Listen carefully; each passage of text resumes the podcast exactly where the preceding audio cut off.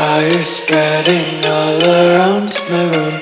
My world's so bright, it's hard to breathe, but that's alright. Hush.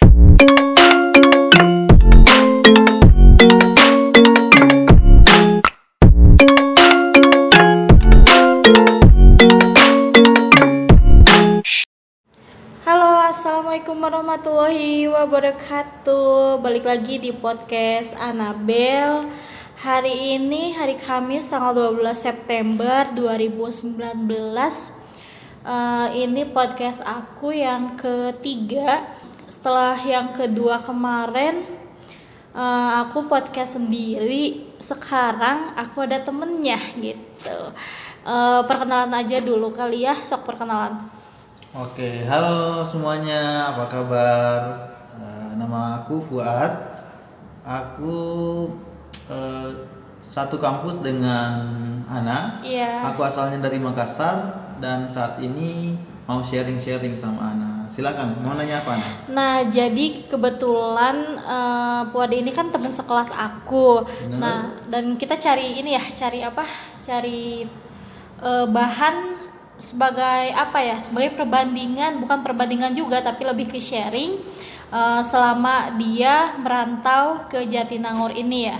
Ya benar. Jadi ini ceritanya eh, buat sebagai eh, pengalaman aja, sekedar pengalaman supaya teman-teman ini bisa tahu gimana sih per- perbedaannya antara di sini atau di sana supaya siapa tahu nanti teman-teman eh, Mau juga jalan-jalan merantau, ya. merantau juga ini udah tahu apa kesulitannya kalau merantau dan semacamnya. Nah kebetulan eh, si Fuad ini dari Makassar, Sulawesi, yang pasti itu berbeda banget ya sama eh, di Jatinangor, Jawa Barat gitu. Ah benar-benar. Eh, banyak banget perbedaannya dan yang justru perbedaan itu yang bikin menarik nih. Ah, Nah, jadi eh, mungkin aku akan nanya-nanya ya ke kamu seputar yang pertama deh. boleh Eh, boleh silahkan. Apakah ini pertama kalinya kamu datang ke Jawa Barat? Ke Jawa Barat atau ke Jawa seluruhnya? Jawa Barat. Jawa Barat. Hmm. Em, kalau ke Jawa Barat, Jawa Barat ini kan luas ya. Iya, betul. Dulu waktu SMP, aku pernah ikut semacam lomba lah, Mm-mm. lomba tingkat nasional dan eh, ada field tripnya, wisatanya itu ke Taman Safari. Taman Safari Jawa Barat kan? Enggak. Iya, Bogor ya.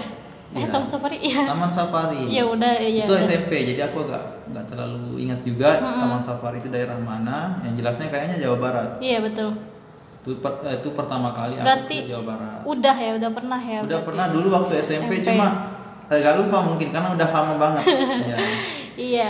Dan sekarang ke Jawa Barat lagi ternyata kuliahnya. Dan aku mau nanya nih, kamu S1-nya di mana? Eh, aku S1-nya di Makassar tadi udah aku sebutin di Universitas Hasanuddin Nah, eh, kamu eh, melanjutkan S2 ini kan ya. Melanjutkan S2 eh, kenapa harus ke Jatinangor sih gitu? Emang di sana nggak ada yang deket gitu? Kenapa harus ke Jatinangor ini Iya. alasannya ada banyak sih alasan Silakan. cuma kalau untuk yang saya mau share ke kalian teman-teman semuanya eh, saya ini suka eh, atau ingin lebih tepatnya mengalami hal yang baru Kalau di Makassar kan Hijrah ya, saya, berpindah. Iya benar. saya kuliah di SD di Sulawesi, SMP di Sulawesi, SMA Sulawesi lagi. juga. Kuliah. Nah kuliah saya ini agak ini migrasi sedikit ke arah ibu kota. Saya di, ini bukan dari Makassar sebenarnya, Oh, tapi aslinya. dari eh, daerah eh, kabupaten lah, namanya Kabupaten Sidrap. Hmm, Itu sekitar empat jam perjalanan dari Makassar. jauh ya. Ya. Heeh.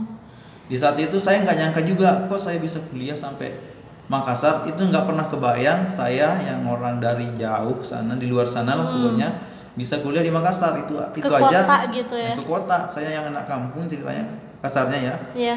ke kota itu nggak pernah kebayang bagi saya Nah, Tapi yang ke- kemudian nih kebayang ke Bandung ini nggak pernah kebayang juga saya bakalan kuliah di eh, Bandung atau Jatinangor. Iya. Kenapa saya pilih di sini? Karena itu tadi ingin merasakan suasana baru. iya. Saya Itu itu salah satu alasan. Ada banyak alasan mulai dari alasan universitas nah, dan lain-lain lah pokoknya.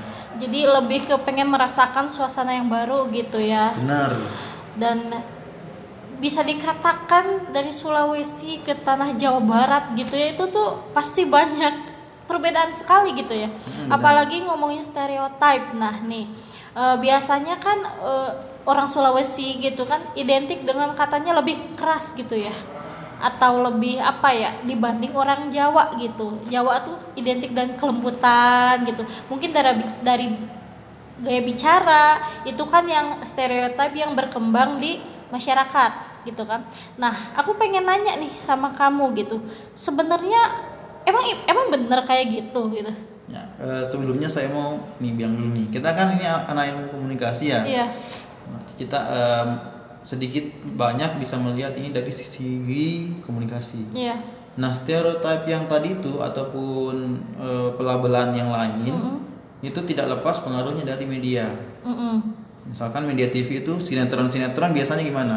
Kalau saya sendiri sudah ibaratnya sudah familiar lah dengan kayak di Jawa Barat kayak suku Sunda gitu kayak. Iya. Kan di TV itu kayak tayangan-tayangan yang berbahasa sinetron berbahasa atau ber, berlatar Sunda itu kan udah banyak. Sama Iya. aja dengan kayak Jawa itu kan suku Jawa sama suku Sunda kan termasuk yang terbesar di Indonesia. Jadi Hmm. sudah familiar lah dengan keadaannya. Oke. Mengenai stereotip tadi yang untuk yang di Makassar, begitu juga orang-orang timur itu kan kebanyakan dipersepsikan orangnya kasar, Keras, keras gitu. ya gitu. Mm-mm.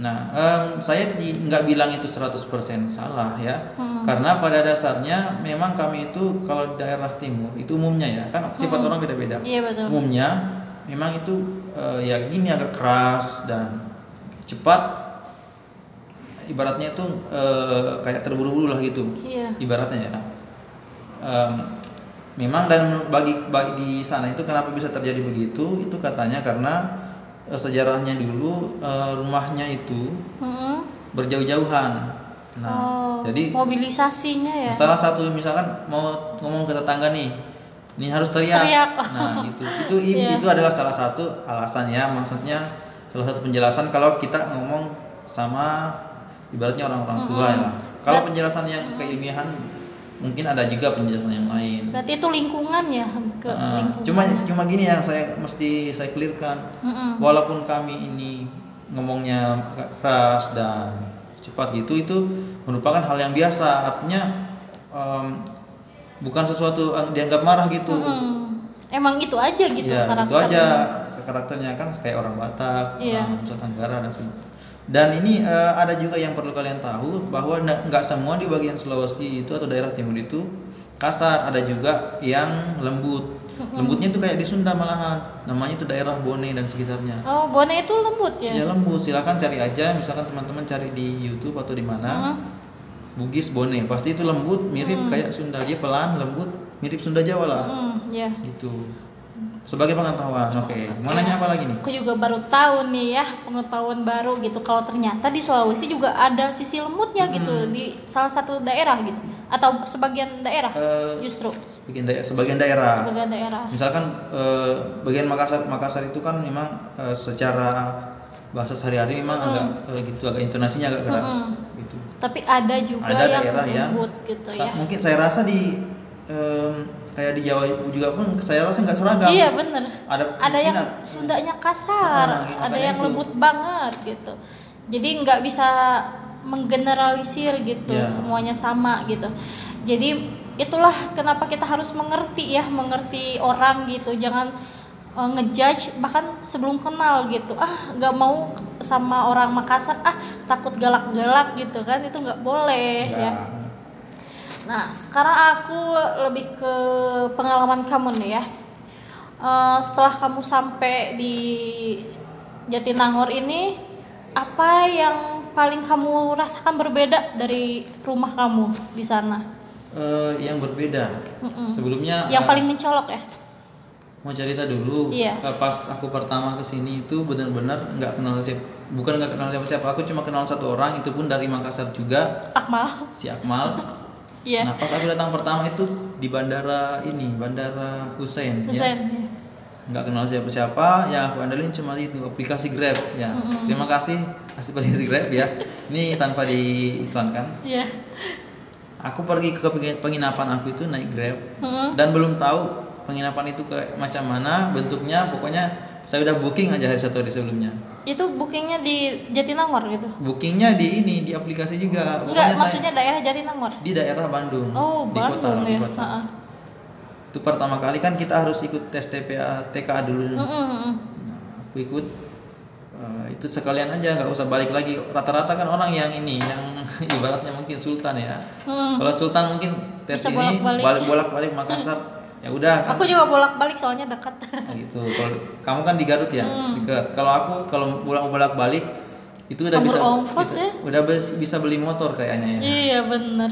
Eh by the way nih ongkos saat itu berapa sih ke sini?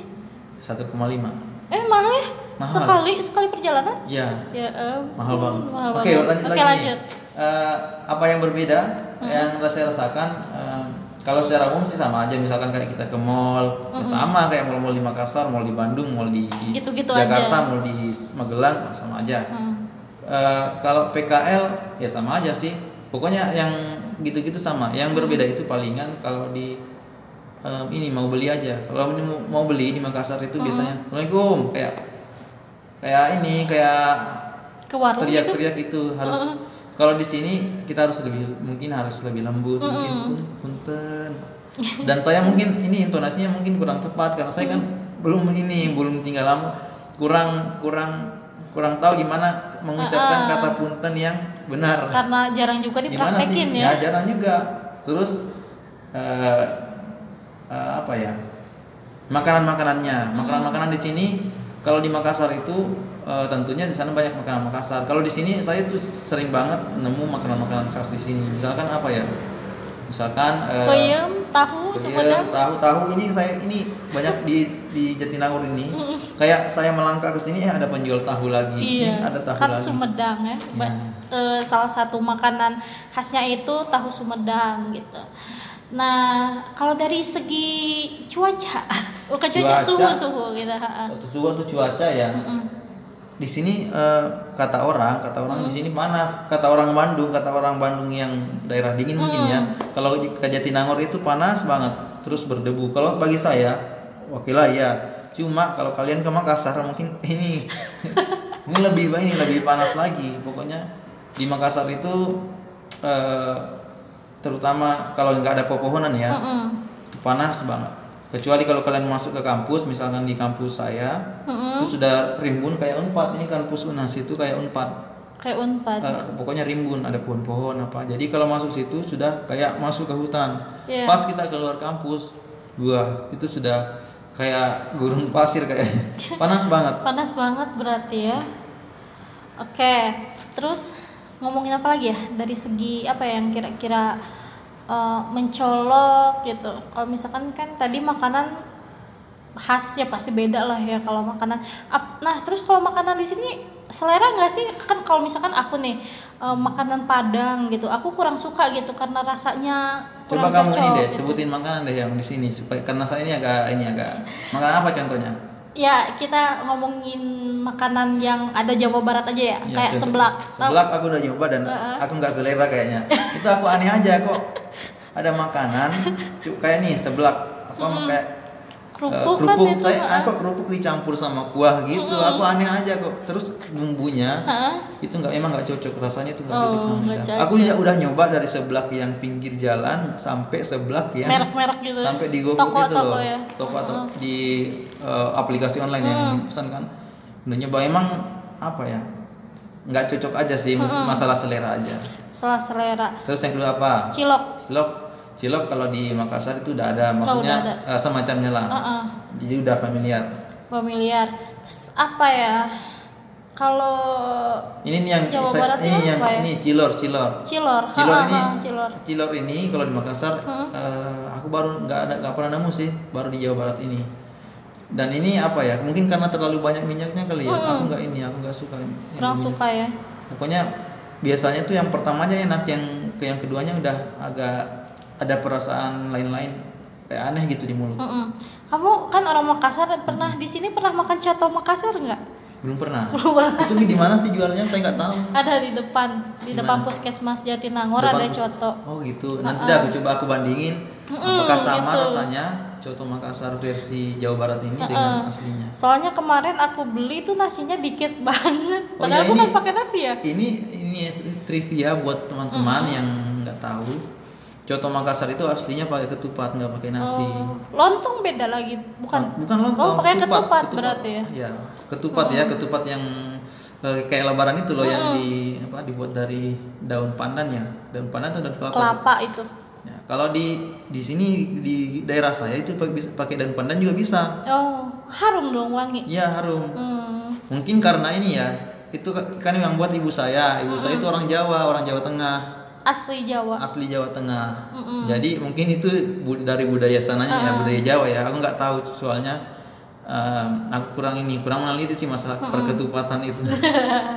Analisis perketupatan. Oh ya, dan itu makan dan biasanya itu coto itu macam-macam. Kita bisa milih itu, kita, kita bisa milih mau daging parunya aja, misalkan mau kayak Babat, babat. uh, ususnya aja atau apa atau hati atau macam-macam bisa juga campur kalau di Makassar. Nggak tahu sih kalau di sini bisa gitu juga nggak. Eh, kalau yang di depan situ eh, jualnya itu eh, contohnya ada ayam, ada sapi sama babat Ciri aja. khasnya tuh gini, biasanya itu kalau masuk di uh, warung cotonya itu biasanya tuh daging-daging yang siap potongnya itu sudah sudah dipotong kayak kotak-kotak gitu, tahu nggak? Gitu nggak? Terus nanti kalau udah ada yang beli kan ada panci yang isi kuahnya, tinggal di dagingnya aja. Itu dagingnya udah setengah matang lah, udah matang mungkin ya. Jadi tinggal diambil, masukin mangkok, kasih kuah, taburi bawang goreng, udah semacam itulah. Oh, itu yang aslinya. Ya kalau di sana, di sana sana gimana? Ada gitu. ada kayak dagingnya itu terpampang terpampang nyata nggak di situ? Enggak ya? Iya gede sih, cuman ya dia cincang sendiri. Ya. Cincangnya dadakan. Ciri khasnya gitu. itu langsung dicincang. Jadi pas kita pesan langsung dicincang depan mata kita kalau ciri khasnya. Oh. Kalau yang udah dicincang biasa mah biasanya soto ya, soto biasa gitu, soto Hmm, ayam. Coto gitu. itu mirip nggak mirip soto juga sih. Tapi kuahnya enggak kuning ya, tapi ternyata Kuahnya tuh- putih. Kuahnya putih yang coto yang udah kamu coba. Heeh, putih.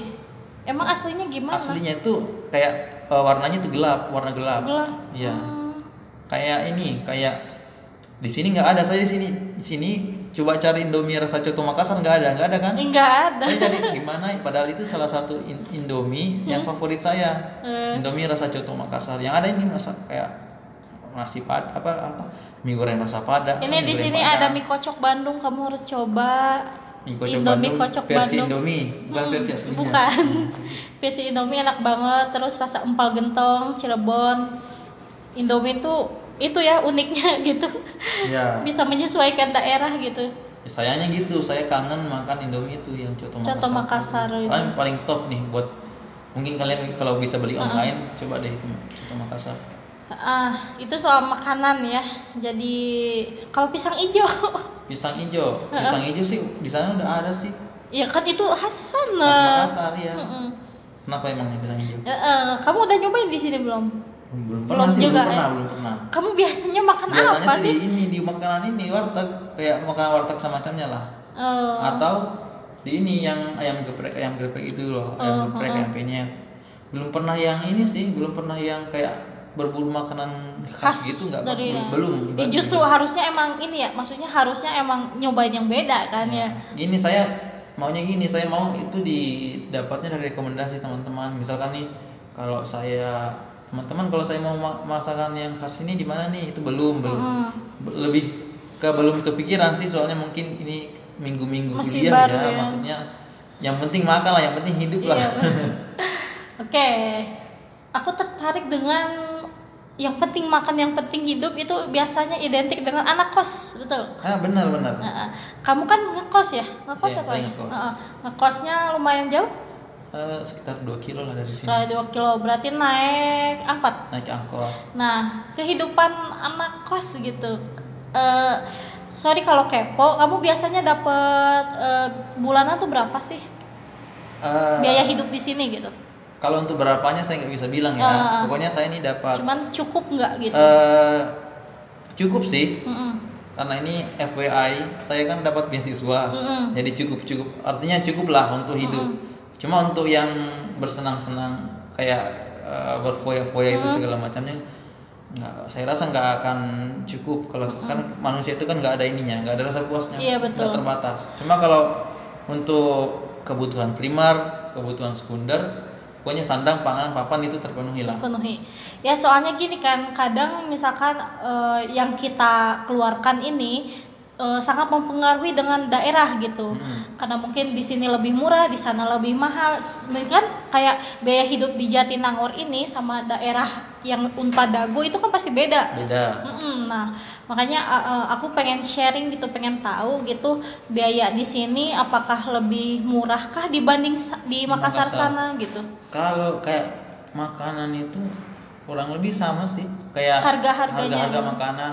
Cuma kalau yang ini makanan itu saya bisa kategorikan kayak dua kayak makanan eh, pinggir jalan sama makanan restoran. Kalau makanan restoran ini ya mak- maksudnya harganya relatif mahal. Di sini kalau yang pinggir jalan murah. Sama aja sih sama kayak aja berarti ya. harga-harga kayak apa ya? Kayak bakso kayak makanan umum lah. Bakso nasi goreng terus em, kayak nasi padang sama aja sih nasi padang. Berarti nggak terlalu nggak jauh ya? terlalu- nggak terlalu ini lah nggak terlalu shock lah. Mm-mm. Uh, itu kan kalau makanan. Terus kalau nyuci nyuci sendiri? Nyuci sendiri. Mm-mm. Uh, dan lain-lainnya pokoknya mandiri deh ya. Ya Mandiri. anak kos lah. Kebetulan waktu S1 saya pun anak kos jadi beratnya udah udah udah lulus ya. lulus dapat sarjana kos gitu. Sarjana kos oke. Jadi ini kehidupan kos bukan hal yang baru sih bagi Iya. saya. Uh, kita kan uh, sekarang kita agak ke pendidikan ya boleh? Boleh. Nah, sekarang kita kan sama-sama uh, belajar di ilmu komunikasi gitu. Ya. Dan S1 kita pun di komunikasi gitu. Benar benar. Saya saya satu komunikasi S2 komunikasi. Mm-mm. Nah, jadi kan kita punya background yang sama. Apalagi penelitian kita tentang framing ya. ah benar. Nah, eh, aku pengen tahu aja sih pandangan kamu soal eh, karena kita ngambil framing yang baru kan biasanya berhubungan dengan media ya. oke Aku pengen tahu aja sih kata kamu media zaman now tuh kayak gimana sih? hmm, apanya dulu nih Eh, dari segi mungkin dari ketepatan ketepatan segi ketepatan. hasil ya kurang lebih hasil dari penelitian kamu kemarin lah gitu Kalau aku kemarin meneliti tentang ini media, media massa bagaimana dia memberitakan uh, LGBT. Mm-mm. Um, ada media yang memberitakannya sebagai itu adalah sebuah fenomena uh, fenomena sosial. Ada juga yang menggambarkannya sebagai sebuah penyakit. Mm. Uh, Jadi dua pandangan dua beda ya? Dan ini juga uh, kalau dari framing ini berarti ya ini uh, sudah mengarahkan ke pemikiran audiens. Ya, media yang satu ini mengarahkan audiens itu berpikir bahwa oh LGBT ini ya fenomena sosial aja sama aja kayak apa ya fenomena yang lain misalkan ada ada orang macam begini ada orang macam begitu dan ada yang LGBT. Nah, kalau dalam pandangan yang itu orang itu ada dua ada yang homo, homoseksual dan ada ada yang heteroseksual ya sebagai sebuah yang ada saja kayak gitu kayak saya heteroseksual dan mereka ada yang homoseksual nah, homoseksual ini terbagi dua ada yang lesbian ada yang gay kayak gitu Hmm. Jadi kamu kemarin tuh lebih ke isu-isu kesehatan juga berarti? Masuk Em, gak sih? ini kalau Kan lebih ke itu- psikologi sih Oh ya. psikologi ya jatuhnya. walaupun saya nggak ngambil terlalu dalam tentang psikologinya. Kembali tadi nih supaya ini back to the topic ya tentang eh, media. Me- jadi media ini em, ya gitu media ini kalau misalkan tepat atau tidak ya tepat. Cuma bagaimana mereka menggambar Bingkai. membingkai suatu isu. Misalkan ini sebuah kecelakaan ya mereka tepat mengatakan sebuah kecelakaan terjadi jam sekian hari sekian eh, di mana? Dan siapa korbannya kan?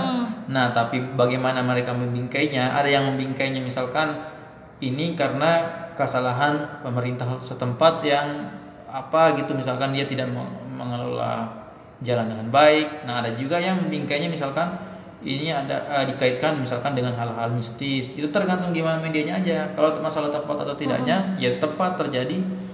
Peristiwa itu terjadi. Ya kalau framing itu kan ada yang ada yang ditonjolkan, ada yang disembunyikan gitu kan ya. Identik dengan itulah ya. terutama soal pilpres kemarin kan eh, framing itu betul-betul kayak terlihat nyata. Ada media yang cuma memberitakan sisi ininya aja ah, ada juga yang media lain yang sebaliknya. Mm-mm. Kalau kamu sendiri sebenarnya pengen gak sih bekerja di dunia media seperti itu? Kalau aku pribadi enggak ya, saya ini lebih fokus ke menjadi akademis. akademis ya Iya. berarti punya punya cita-cita pengen jadi dosen berarti ya Nah, jadi dosen. Jadi cita-cita saya sebenarnya dari awal itu ingin jadi guru. oh jadi guru, Jadi guru. mengajar gitu Ngajar ya lah. Pokoknya. Jadi dari sejak kecil lah punya passion mengajar. Bahkan waktu kecil sering main sekolah-sekolahan, tahu Mm-mm. nggak? Sekolah-sekolahan saya jadi guru, teman-teman saya jadi ini apa murid-muridnya. boleh-boleh kemudian saya eh, eh, pada saat kuliah dan selesai kuliah saya aktif jadi guru bimbingan belajar. Mm. mulai dari pokoknya mulai dari ini TK SD SMP SMA saya sudah menghadapi semuanya. Jadi saya sudah tahu yang paling saya suka itu bagian TK dan SD karena yang pertama pelajarannya nggak terlalu susah.